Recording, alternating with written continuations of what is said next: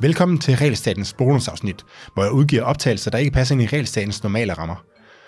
Husk at anmelde Realstaten i iTunes, så hjælper du andre med at finde podcastet. Dagens afsnit det er et interview, jeg gav til indblik om mit arbejde med Realstaten. Du får altså indsigt i mit arbejde og mine tanker om Realstaten og hvad man bør gøre ved det. God fornøjelse.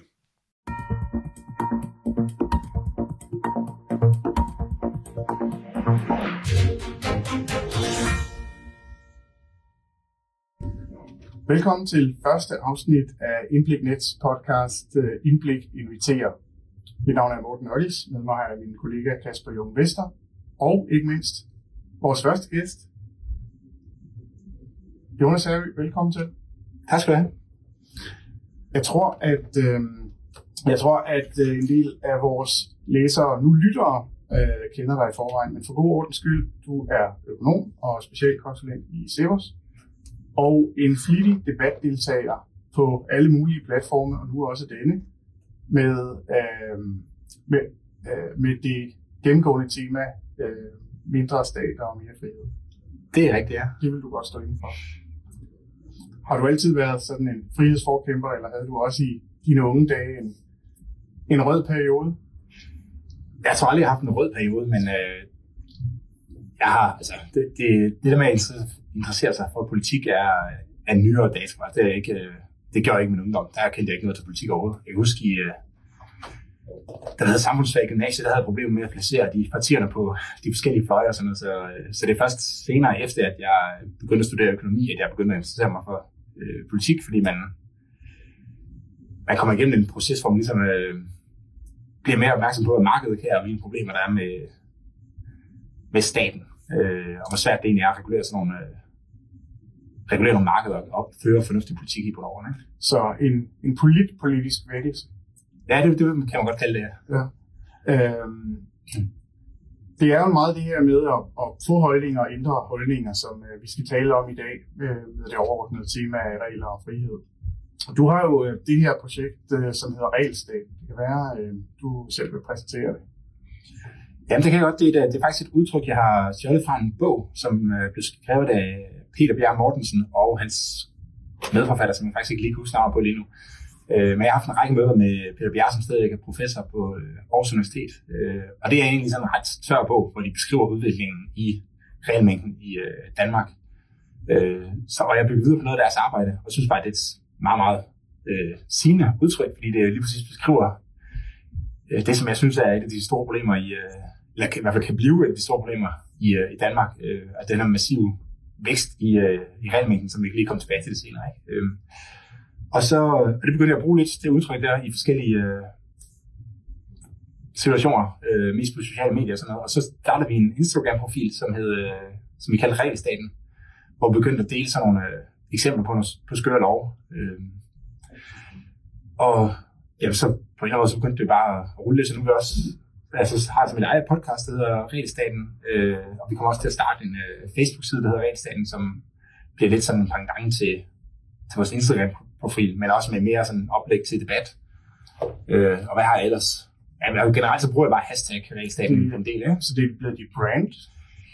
Ja, det, og det, det, det er ikke en svær... Øh, altså, fordi Cepos er jo et stærkt brand i sig selv, jeg skal sige. Øh, altså, mange kender Cepos, og, og det er selvfølgelig det. Altså det er der, mit arbejde tager udgangspunkt i uh, Cepos, så, så, men at regelstændigt ligesom slået så godt igennem på, uh, på forskellige områder, og folk ligesom, altså der er regelstaten, og så er der topskat ved Cepos, ja. det må gerne blive sådan i fremtiden, ikke? For en masse, min kollega Mads, der har været ekstremt god til at sætte, uh, sætte blandt andet topskat på, på dagsordenen, og hvis vi kunne gøre det samme med regelstaten, hvis jeg kunne gøre det samme med regelstaten, så ville det være en, så synes jeg, det ville være en kæmpe personlig succes, og også uh, meget, meget, meget stor gang for, uh, for det danske samfund bare for at anskueliggøre det til dem, der ikke kender Instagram-profilen endnu, så har jeg taget et par regler med her. Det kan være, at øh, du selv vil læse en Ja, det kan jeg godt. Eller to du, har, du har en af de første regler, vi slår op. Det er den her bizarre regel med, at jeg kan læse den op, at det er forbudt at servere mad, der ikke fremtræder indbydende på danske skibe. Og kaptajnen kan komme i fængsel i op til et år, hvis ikke alle ombord kan blive med det. Det, øh, den, den der med, det, det der med, at man kommer i fængsel et år, det er faktisk en relativt ny øh, ændring. Øh, og de fleste vil også sige, at jamen, selvfølgelig skal folk have mad, hvis de er ude at sejle på skib og sådan noget, men det er jo, det er jo forvejen forbudt at så altså bringe folk i livsfart. Det ville jo være, hvis man, øh, hvis man ikke giver dem mad på en to måneder lang sejltur. Har, har Som- vi kendskab til, at der er nogen, som er blevet buret ind øh, Nej, det, det, det, det, på den her lovgivning? Det har vi ikke. det har jeg aldrig hørt om. Det er, de, altså, mange af de her regler, som vi har på Instagram, de er jo ikke... Øh, altså, de fleste mennesker kender dem jo ikke. Øh, og de, de er sandsynligvis aldrig blevet brugt mange af dem. Og så kan man jo så spørge, hvad, hvad er så... Øh, så kan man jo sige på den anden side, hvad er så meningen? Altså, hvorfor kan vi ikke bare være ligeglade, hvis, hvis forholdet nu er, at den der regel har sin rod i en helt anden tid, og der er ingen, der bliver, der er ingen, der bliver sigtet for den længere? Øh, jo, nogle af reglerne kunne, kunne måske godt være det helt store problem, og det, det er ikke fordi, jeg synes, vi overhovedet er der i Danmark, men der er i sådan nogle øh, diktaturstater, der, øh, der er det jo sådan en god måde at så slippe af med politiske modstandere på, ikke? at du har en helvedes masse, øh, undskyld, øh, sproget, men øh, du har en, en stor bunke af regler, så alle ved, at det er umuligt at overholde øh, lovgivningen, man gør ellers, men øh, som du synes, der er mest fornuftigt i den givende situation. Og hvis der så er en politisk modstander, man skal af med, så finder man en eller anden lov, som han har brudt, og selvom alle andre også bryder den, så er det så den politiske modstander, der ryger på det. Så det er jo ligesom skrækscenariet, ikke? Øh, men derudover så er det jo også, at der er nogle af de her regler, som også skaber, altså kan skabe problemer, eller skabe problemer i, øh, ude i samfundet. Altså når du har en, en regel om, at hvis du plejer et pilsvin, et skadekommet pilsvin, at, øh, at det er forbudt, ikke? så er det jo sådan noget, som sandsynligvis ikke gør noget som er godt for, for pilsvinene. For hvis ikke du ved, at du skal kontakte en, øh, altså det er en god idé at kontakte en dyrlæge, eller nogen, der ligesom har forstand på det, hvis der er et pindsvin, der har der er kommet alvorligt til skade ude i, dit, øh, i din have, så kender du heller ikke den regel her. Øh, og det, og det, altså det, den nok primært kan bruges til, det er jo sådan nogle nabofejler, ikke? Hvor, øh, hvor folk de ringer til politi, der anmelder hinanden, fordi de er så sur på naboen og har set ham øh, passe et, give, mad, give lidt mad eller give lidt øh, vand til et pindsvin, og det, altså er det ikke bedre løst i, i civilsamfundet? Og så, så spiller det også ind i, altså både det her med at skabe en opmærksomhed om, at der er mange øh, skøre regler, øh, eller om regler bare generelt, for der er også nogle, der er mere alvorlige. Øh, den her Instagram-profil har fokus på de skøre ting, men der er jo også mere alvorlige øh, regler. Ja, der er også øh, mærket også øh, sådan noget med, at du må ikke ryge hash og sådan noget. Det, det er jo trods alt en, en regel, som har meget konkret betydning for folk Mm. og, og for deres liv og for deres fremtid, hvis øh, de først er blevet taget med en joint i lommen. Ikke? Ja. Øh, så Jeg synes, job, en af mine- få eller sådan noget. Ikke? En af mine yndlingsregler er den her med, at øh, kvinder, der er ældre end 45 år, de ikke må få øh, kunstig befrugtning. Og det er jo, altså der er, nok ikke, det går nok ikke ud over specielt mange kvinder i Danmark, og det er jo ikke specielt stort, øh, altså det er nok ikke et samfundsproblem sådan, sådan øh, men det er jo et problem for den enkelte kvinde, der bliver ramt, ramt af den her regel, ikke? Og som, øh, som hvis hun gerne vil have barn, er tvunget til at tage til udlandet for at få øh, kunstig befrugtning i stedet for, fordi vi har en eller anden, i mine øjne, meget tilfældig regel i Danmark, som lige går på alder, hvor kunne gå på alle mulige andre ting i stedet for. Ikke? Det kan være, du skal tage en til. Det kan godt. Der er et par Øh, stykker at vælge imellem. Ja, det er der. Altså, jeg synes, den her med chokoladeafgiften er jo øh, genial, ikke? Det var det, er Joachim B. Olsen har stillet spørgsmålet til skatteministeren i, øh, i Folketinget. Øh, og svaret var, at der skal betales chokoladeafgift af en chokoladeovertrukket kage, hvis indholdet, er af skum, men ikke hvis det er creme. Øh, og, og dem, der sidder og undrer sig over, hvad det her regel er, så er det, om der skal betales chokoladeafgift, hvis det er en flødebolle, i stedet for en sarbanarkage. Og den kendte jeg faktisk ikke, før jeg, ja, før jeg så den her regel. Og det, det er faktisk en rigtig god kage, så jeg kan varmt anbefale at spise nogle af dem. Ja. Jeg kunne godt tænke mig at vide, hvor, altså, nu siger du, der, der er sådan, du, du sondrer lidt mellem nogle lidt mere alvorlige og nogle lidt mere fjollede. Hvis, øh, det her, det lyder jo umiddelbart super fjollet, Mm. at du har den her afgift. Kan man sige noget generelt om, hvor øh, det meste af den her fjollede lovgivning kommer fra? Altså grunden til, at den opstår, er det danske politikere, er det EU, er det... Hvorfor, hvorfor opstår de her tossede lovgivning? For eksempel, hvis vi skal tage udgangspunkt i den, du lige nævnte her. Altså man kan sige generelt, så er der ikke nogen regler, i hvert fald ikke, øh, ikke, ikke nogen, sådan rigtig at støtte på, som, øh, som ikke opstår af en eller anden grund. Altså det er fordi, der er nogen, der har set et konkret problem til at starte med. Jeg tror så der, hvor de, det de har glemt, er at tænke over, om en regel kan løse problemet, og om en regel kan have nogle altså utilsigtede konsekvenser, som man, som man måske ikke lige havde forestillet sig, ikke lige ønskede sig at skulle komme med, komme med reglen. Øhm, chokoladeafgiften, ja, hvorfor er det nu? Øh, hvorfor er det nu, den er, som den er? Typisk for sådan regler, det er jo noget med, at man gerne vil prøve at trække en linje for, hvornår der skal tale skat, og hvornår der ikke skal tale skat. Og når det så bliver så meget konkret at sige, så, så ender det i sådan en situation, ligesom den her, øh, den her Saab er. Øh, Ja, hedder jeg tror, at vi, vi kan nok godt blive enige om, at det er svært at resonere frem til, hvad det ellers skulle være, hvis det ikke var en eller anden skatteindtægt. Så er det lidt svært at få øje på, måske, hvad, hvad den egentlig går godt for. Nogle gange så øh, er der da også en vis anerkendelse af, at øh, de her regler skal blødes op. Sidst vi talte ved, øh, der talte vi jo om øh, låsepligten på cykler. Ja. Øh, det er faktisk øh, ulovligt, jævnfør færdselsloven, at efterlade sin cykel i længere tid ulåst. Øh, hvor vi fik, øh, vi på Indblik Net, øh, bad så Transportministeriet om øh, lidt yderligere information om, hvor sådan en regel kommer fra. Og de Mm. meldte så tilbage, at, øh, at øh, det faktisk nu er under overvejelse i ministeriet, om man skal øh, gøre det lovligt igen. Jeg tror, det var i 55 eller sådan noget, den blev indført. Øh, at, øh, at det skal være lovligt igen at kunne efterlade sin cykel ulåst. Ja, det det, vildt, det tænker man over. Det tænker man over derinde. Det er vildt, at man husker at tænke over sådan noget, ikke? At man ikke bare siger, at oh, det var en fejl. Selvfølgelig øh, er det en sag, man leger i det forsikringsselskab. Og så for at have noget nyt med til dig, så har jeg jo så øh, kontaktet Rigspolitiet øh, her i ugen for at finde ud af, øh, hvor mange mennesker rent faktisk øh, øh, får en bøde, som vil være 700 kroner, øh, for at efterlade deres øh, cykler ulåste. Jeg har desværre fået at vide, at øh, det kan man ikke opgøre, Nå, fordi det bliver registreret under samme kode som mennesker, der, til, der kører to mennesker på en cykel øh, og andre øh, forseelser. Så Eller hvis du kører, på, hvis du kører ved siden af en trehjulet øh, sådan en ladcykel, det er også forbudt, ikke? Så det er nok det samme. Så der er, der er nok af regler. Øh, noget af det, jeg hæftede mig ved, det var det jo på Instagram. Altså, når jeg ser politisk debat på sociale medier, så er det gerne på Facebook og Twitter. Men du sætter på Instagram. Jamen, og det var lidt en tilfældighed. Det er fordi, det er, øh, det, Instagram er rigtig godt til at dele billeder. Og, og det vi gerne ville, var at lave de her, de er jo meget altså, stilistiske alle sammen, har det samme udtryk. Øh, og altså, jeg tror også, man, måske, man skal måske, eller I skal måske passe på med at så øh, tænke, at det her det var meget, meget velovervejet. Øh, Ja. vi, vi sidder jo og prøver nogle idéer en gang imellem for at se efter, om det her det fungerer. Øh, og så prøver vi den her, og det, og det viste sig at fungere. Ikke? Øh, altså så lige blev Instagram og ikke noget, vi havde Altså, det var ikke sådan en del af en lang proces, at vi havde tænkt over, om det her det nu var, hvilken medie vi skulle gå ud på. Sådan noget. Det, var, det var sådan lidt tilfældigt, at det blev der, ikke? Men som jeg også nævnte i starten, så er det, så fordi det har været en succes på, på Instagram, så vil vi også gå, øh, altså lave en side på Facebook, hvor vi kan få lidt flere, altså dele nogle af de her billeder her, øh, og så også lægge, lægge lidt mere op til debat, når der kommer nye øh, regler, som kan være problematiske, og sådan noget, men så kan få noget, noget debat om det der, for det er, det er rigtig nok, det fungerer Instagram ikke specielt godt til. Altså, det er ikke nogen specielt det er ikke specielt godt debatform. Det er mere sådan, det virker som om folk mere tagger hinanden og siger, prøv at se den her skøre, skøre regel her. ikke? Noget af det, som, øh, som vi skulle snakke om i dag, det var jo netop det der med at nå frem til folk. Ikke? Hvordan når man frem til folk, og hvordan understreger man, at man har en pointe. Øh,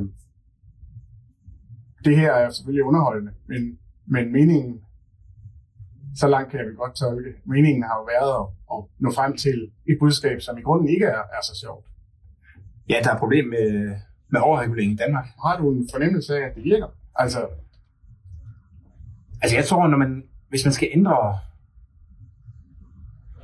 retningen på et samfund, så, øh, så er det svært bare at lave en analyse eller et debatindlæg, og så, og så trykke send, og så tænker man, at øh, det var det, så øh, nu skal den her supertanker nok skifte, skifte retning.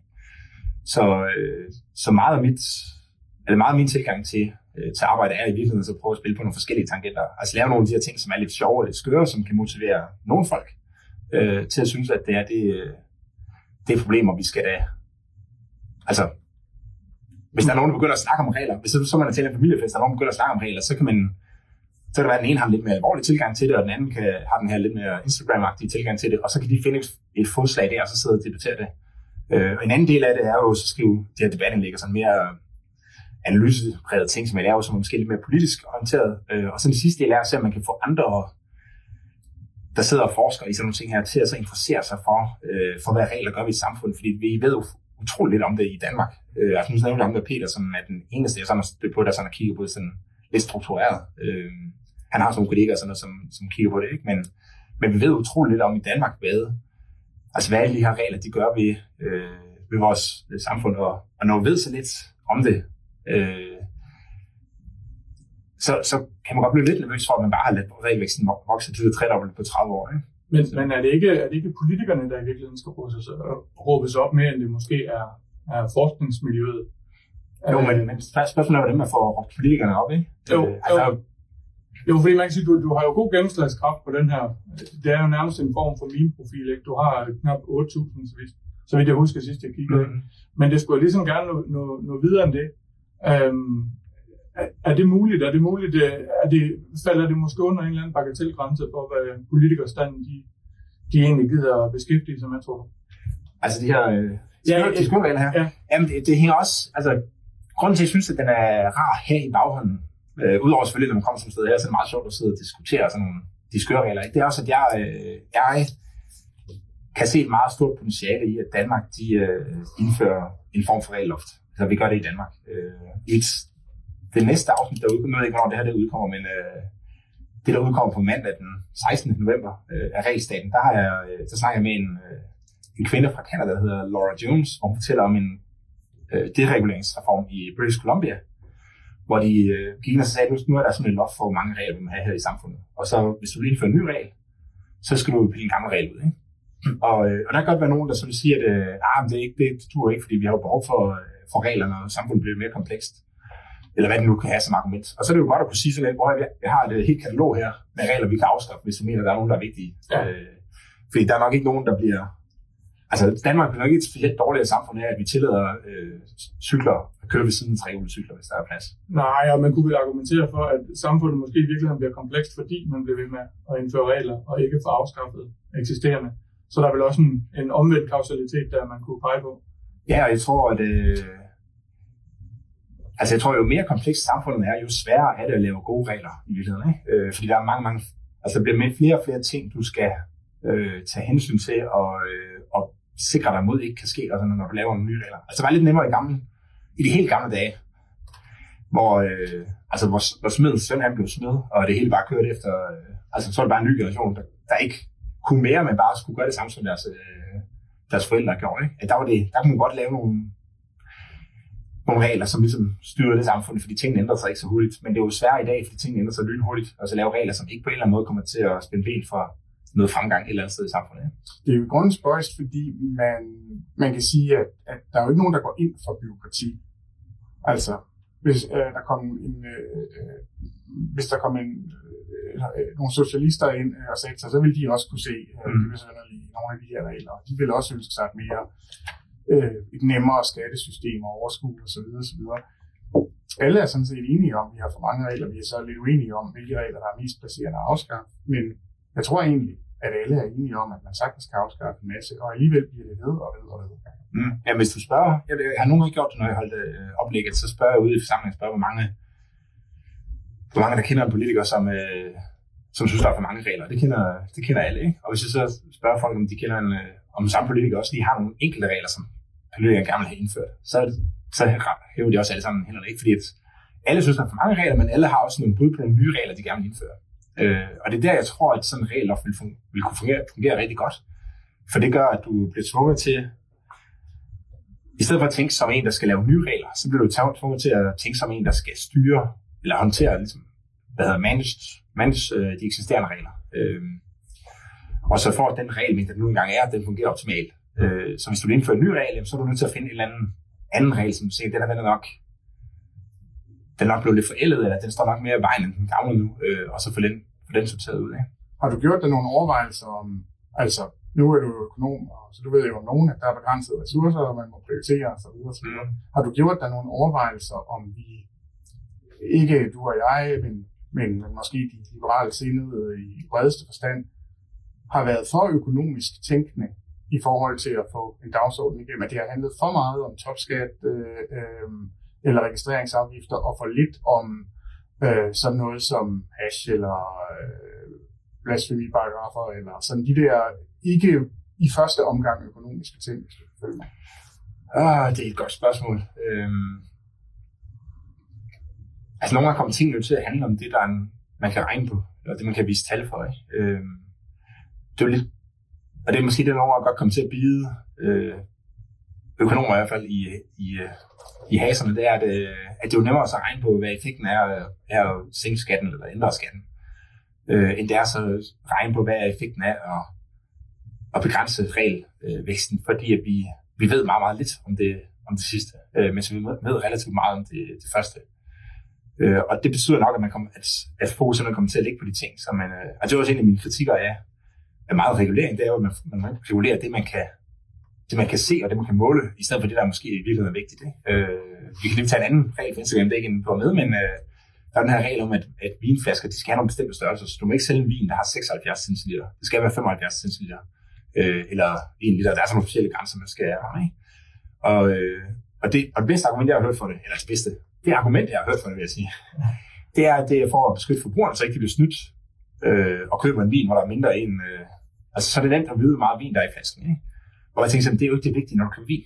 Altså det vigtige er, hvordan vinen smager. Det er de færreste, der går op i, om det er 76 eller 75 eller 74 ml. I forhold til, hvor vigtigt det er, øh, hvis, hvor vigtigt smagen er. Ikke? Men, men det, det, ene ting kan du måle, altså hvor meget indhold der er, ikke? Øh, men det er meget, meget svært at så måle øh, smagen på, på vinen. Ikke? Så, så man går ind og så regulerer noget, som virkelig er fuldstændig ligegyldigt. Ikke? Men som ligesom er det eneste, man kan regulere. Ja, lige præcis. Ja. Og, det, og, det, og det kan også være det, der nogle gange øh, kan gøre debatten i... Altså, den politiske debat kommer til at handle meget om sådan nogle, øh, altså ja, for eksempel om, om skatterne, når man så er liberale, ikke? fordi det er svært at så hive tal frem på de andre øh, ting, og vi er måske nogle gange lidt for meget fornuftbaseret, og tænker, at nu skal vi finde noget dokumentation, der kan, kan, kan vise et eller andet, øh, og, og lidt dårlige til og så altså snakke så mere om principper. og sådan Nu er der jo, nogle, nu er der jo sådan nogle øh, ting under der sker lige nu i samfundet med corona, sådan, hvor, der, hvor jeg synes, der kommer nogle gode øh, debatter om sådan det principielle og sådan, ikke? Men altså, jeg synes i virkeligheden, de bedste debattører, det er jo dem der, der, øh, der virkelig synes, at det var et kæmpe problem, dengang jeg Støjberg, hun øh, overtrådte loven, eller, eller loven, måske overtrådte, øh, i hvert fald anklaget for at overtræde loven. Øh, og, og dem, der så også synes nu, at det er et problem, at, øh, at nuværende regeringen overtrådte loven. Ikke? Fordi hvis, det skulle bedre at have principper, end det er at have følelser. Altså øh, borgerlig tænkning frem for stamme-tænkning. Ja, lige præcis, lige præcis. Jeg ved ikke, om man kan lide borgerlig tænkning, men... Øh, men tænkning som tænkning borger. i hvert fald. som borger, og ikke Ja, som ja. stammemedlem. ja, lige præcis. Lige præcis. Men øh, øh, det, jeg tænkte, var også sådan det rent taktiske perspektiv. Nu nævnte jeg netop øh, sådan noget som fri hash og blasfemiparagrafen, fordi det sådan politisk set er steder, hvor venstrefløjen faktisk er mere liberale end, end, øh, end de fleste Mm. borgerlige partier er. Øh, at øh, man, måske, man måske kunne få nogle sejre der. Nu ligger, øh, nu ligger afskaffelsen af topskatten jo ikke lige øh, for døren. Mhm. Jeg tror, du tænker, at øh, jamen, ja, det er faktisk en tanke, som jeg også selv har tænkt, at der er nok nogle af de her ting, hvor man kan... Altså, hvor det er nemmere at skabe et politisk... Øh, altså et bredt, bredt flertal for at få, øh, at få gjort et eller andet med den her, øh, den her regelvækst. her, Ikke? Øh, men som sagt, så er det... Altså, alle politikere har nogle regler, de godt vil indføre øh, for at løse et eller andet problem, som de, øh, som de synes er vigtigt. Og det er typisk ikke de samme problemer, de har, de synes er vigtige på, øh, på hver side af Folketinget. Så, så det der med at så lave jeg tror også måske, det er derfor, at nogle af de her, øh, altså alle de her afbyråkratiseringsreformer, hvad der ellers har været igennem øh, tiden lige siden Slytter, at det kan godt være derfor, at nogle af dem, altså de er rigtig bitre, ja, de ikke rigtig har nogen effekt til sidst, ikke? Fordi det er meget, meget svært at finde regler, hvor der er flere til for at så afskaffe reglerne. Øh, fordi der er altid nogen, der har en gavn af en regel, ikke? Altså, Går du? tak, taxi, øh, vognmændene, de har jo en, øh, de har jo en gevinst i, at Uber de, øh, holdes ud af Danmark, ikke? Øh, og nogle andre har en gevinst af, at øh, andre konkurrenter holdes ud af, af Danmark. Så, så der er altid nogen, der har en gevinst ved, at der er en eller anden konkret øh, regel. Så hvis man skal... Så jeg tror, det er måske nemmest at få øh, politisk opbakning til, og det, så det er også, jeg arbejder på, det er det her regelloft. Altså, fordi man, alle kan også se, at, der, at mange regler er et problem. Øh, og man vil helst, have sine egne regler, ikke? Men hvis vi nu kan blive enige om at bare sige, nu indfører vi ikke flere regler, uden at vi afskaffer nogen, så er vi jo nået langt. Er der nogen regel, i nogen ikke eksisterende regel, du går ind for at indføre, altså udover en regelbegrænsende regel? Øh, det kan jeg ikke lige komme sammen med. Nej, Det- det kan jeg ikke. Jeg, jeg, tænker, jeg tænker tit, at de vigtigste regler for et samfund, øh, altså hvor man har en... Øh, altså hvor, hvor staten ligesom har et voldsmonopol, altså et moderne samfund, det er, at man ikke må slå ihjel, og du må ikke stjæle, og du må ikke øh, overfalde hinanden. Øh, og du må i hvert fald et eller andet omfang ikke, øh, ikke lyve øh, i, i forbindelse med en handel. Altså du må ikke sige, at nu sælger jeg dig en, et glas vodka, og så får du et glas vand, øh, og sådan nogle ting. Så, ikke? Øh, og de regler var jo på plads i, altså sikkert allerede øh, for 100 år siden. Ikke? Øh, så er, der nogle, så er der nogle gange, hvor der kommer nogle områder, hvor man er nyt. Altså, så det handler meget om så at definere de her ejendomsrettigheder, som, øh, som borgerlige går rigtig meget op i. Ikke? Øh, og så er der nogle gange, hvor der kommer nogle områder, hvor man siger sådan, åh, oh, der kan man også have ejendomsret på det her.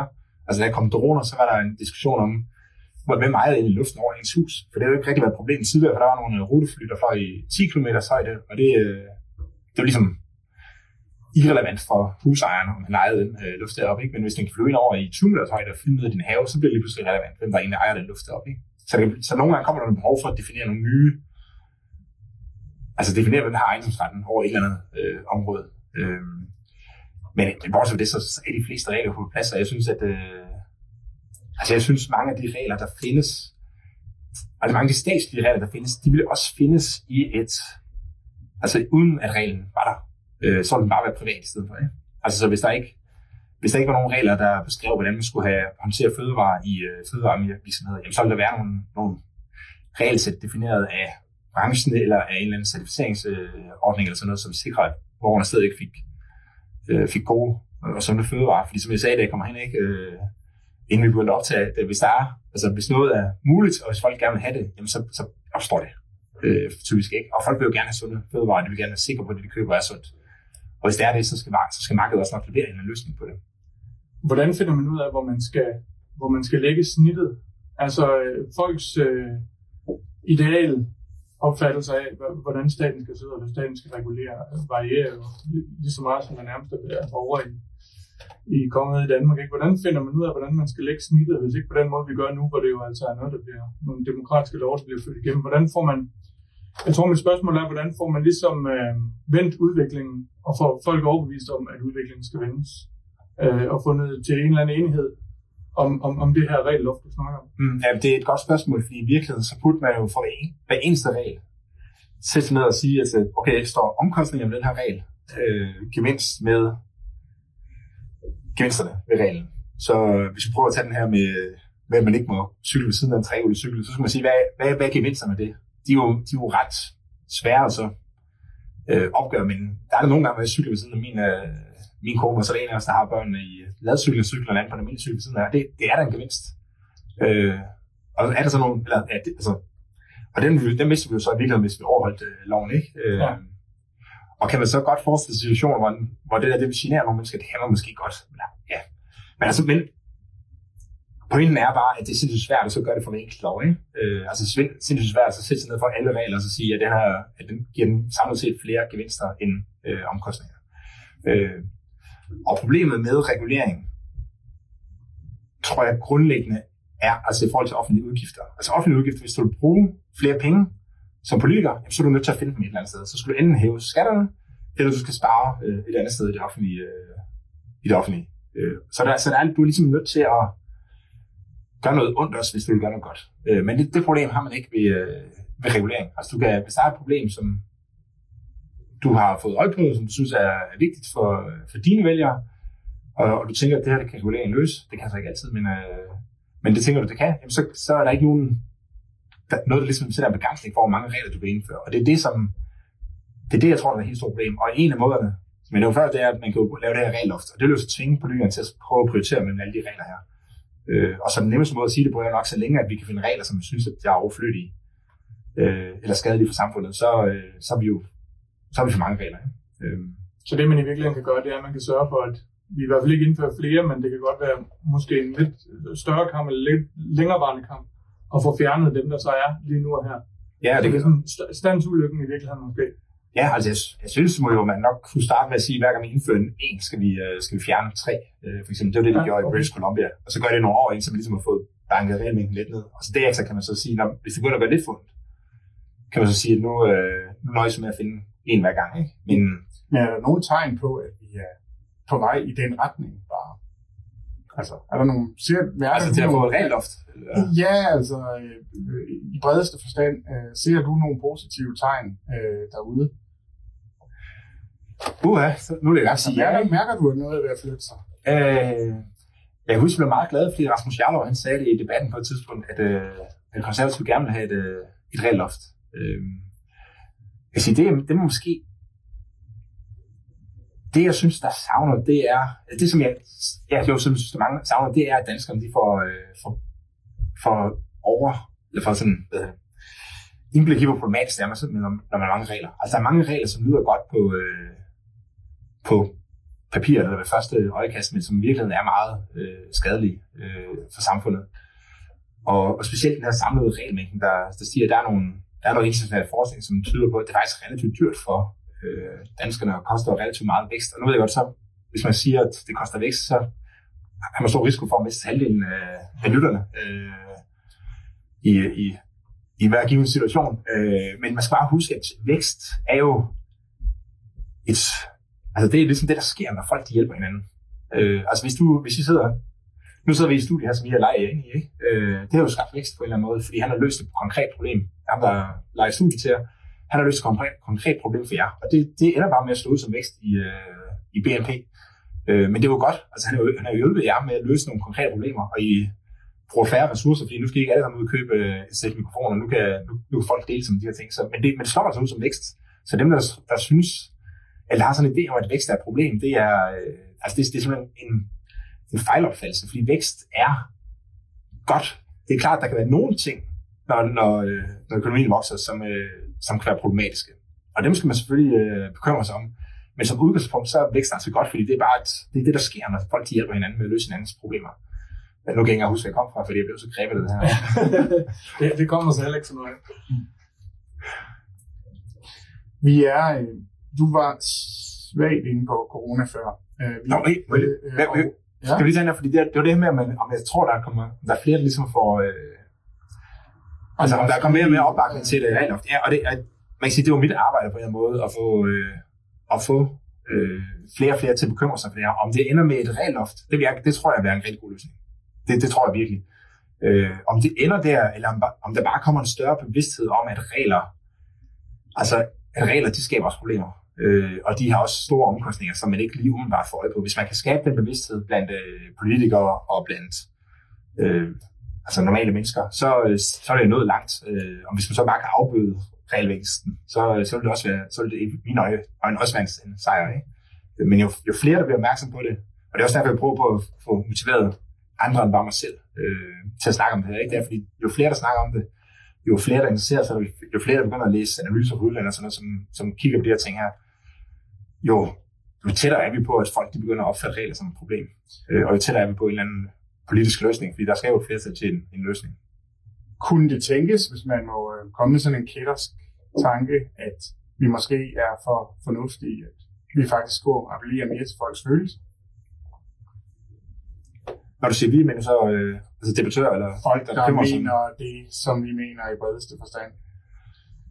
Ja, øh, godt spørgsmål. Det, øh, jeg tror, man skal være lidt overalt i øh, spektret.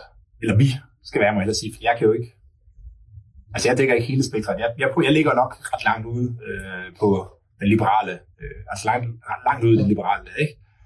Øh, og, og synes nærmest, at hver regel er problematisk, ikke? Øh, men jeg håber jo så på, at jeg kan overbevise nogen, der ligger lidt tættere på midten, til at så være lidt mere skeptisk, og så kan de måske overbevise nogen, der ligger endnu tættere midten, og så hvis vi så til sidst skal få flyttet tilpas mange over øh, midten, og synes, at det, øh, at det er skeptisk, så, øh, så er vi nødt til mig, der men om vi jeg, altså, jeg synes jo ikke, at min Instagram-profil sådan ligger op til at sige, at, at her er det bare ren øh, logik. Det er jo, det er jo lidt for sjov, når man siger, ikke? Øh, lidt følelsesbetonet, at det er det fandme åndssvagt. Ej, til det. Ja, det er selvfølgelig også en følelse.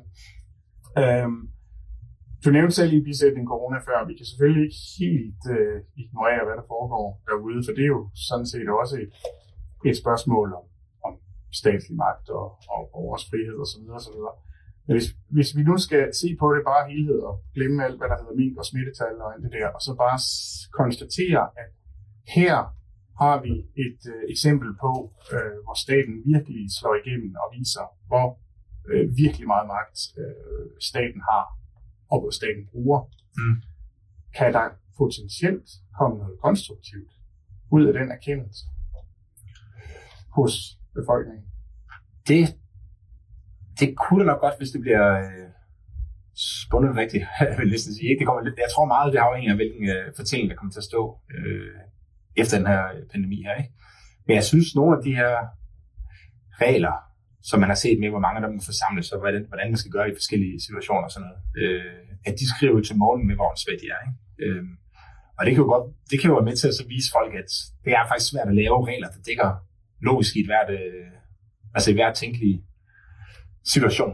Øh, vi har for eksempel nede i, øh, der hvor jeg, min søn var i børnehave, der, øh, der er der sådan en regel om, at man, skal, at man må ikke gå den, altså der er ensretning, så man skal gå den samme vej ud af, jeg har postet en video af det på, øh, på min Facebook-side, øh, men der, man, skal gå, man skal gå den samme vej ud, alle, alle forældre skal gå den samme vej ud, når de afleverer børnene, ikke? eller når de henter børnene.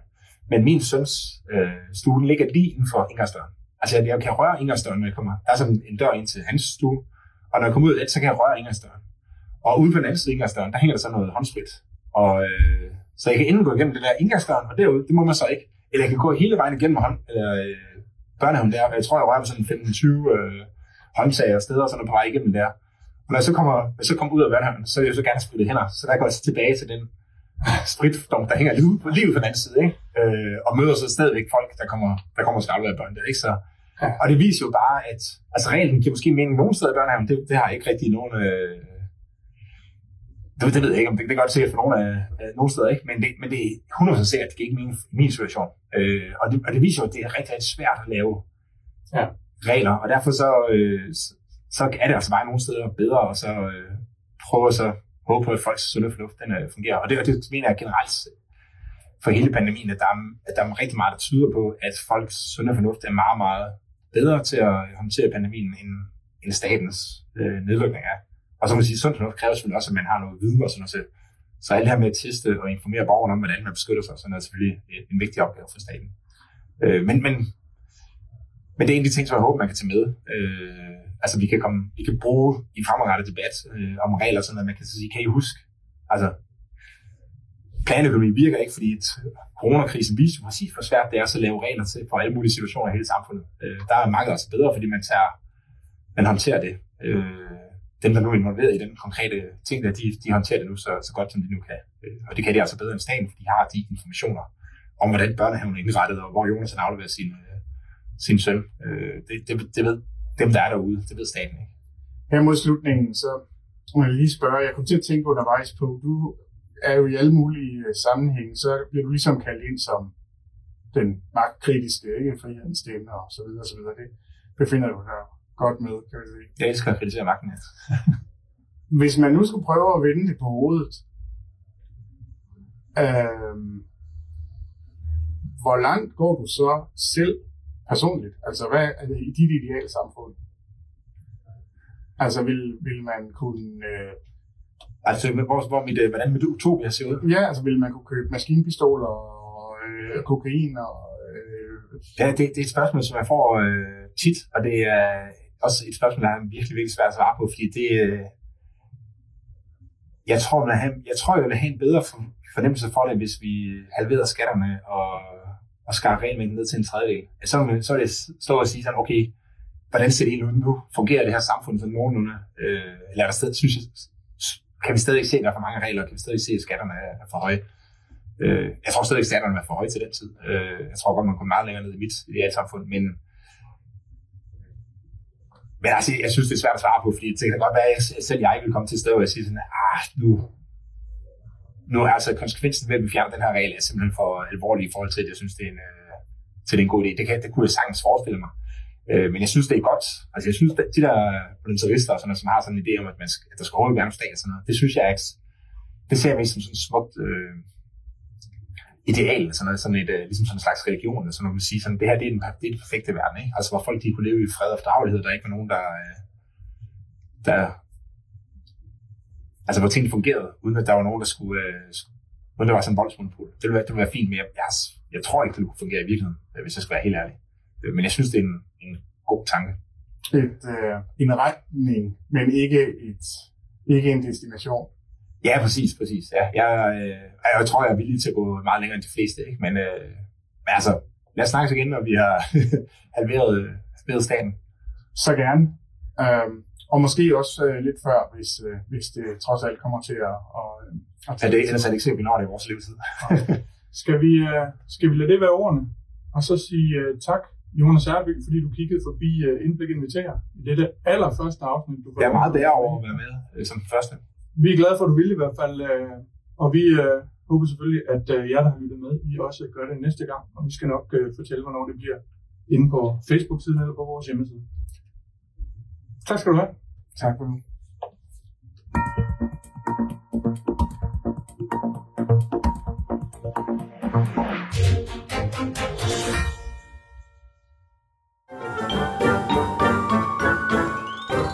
Du kan hjælpe mig i kampen mod regulering.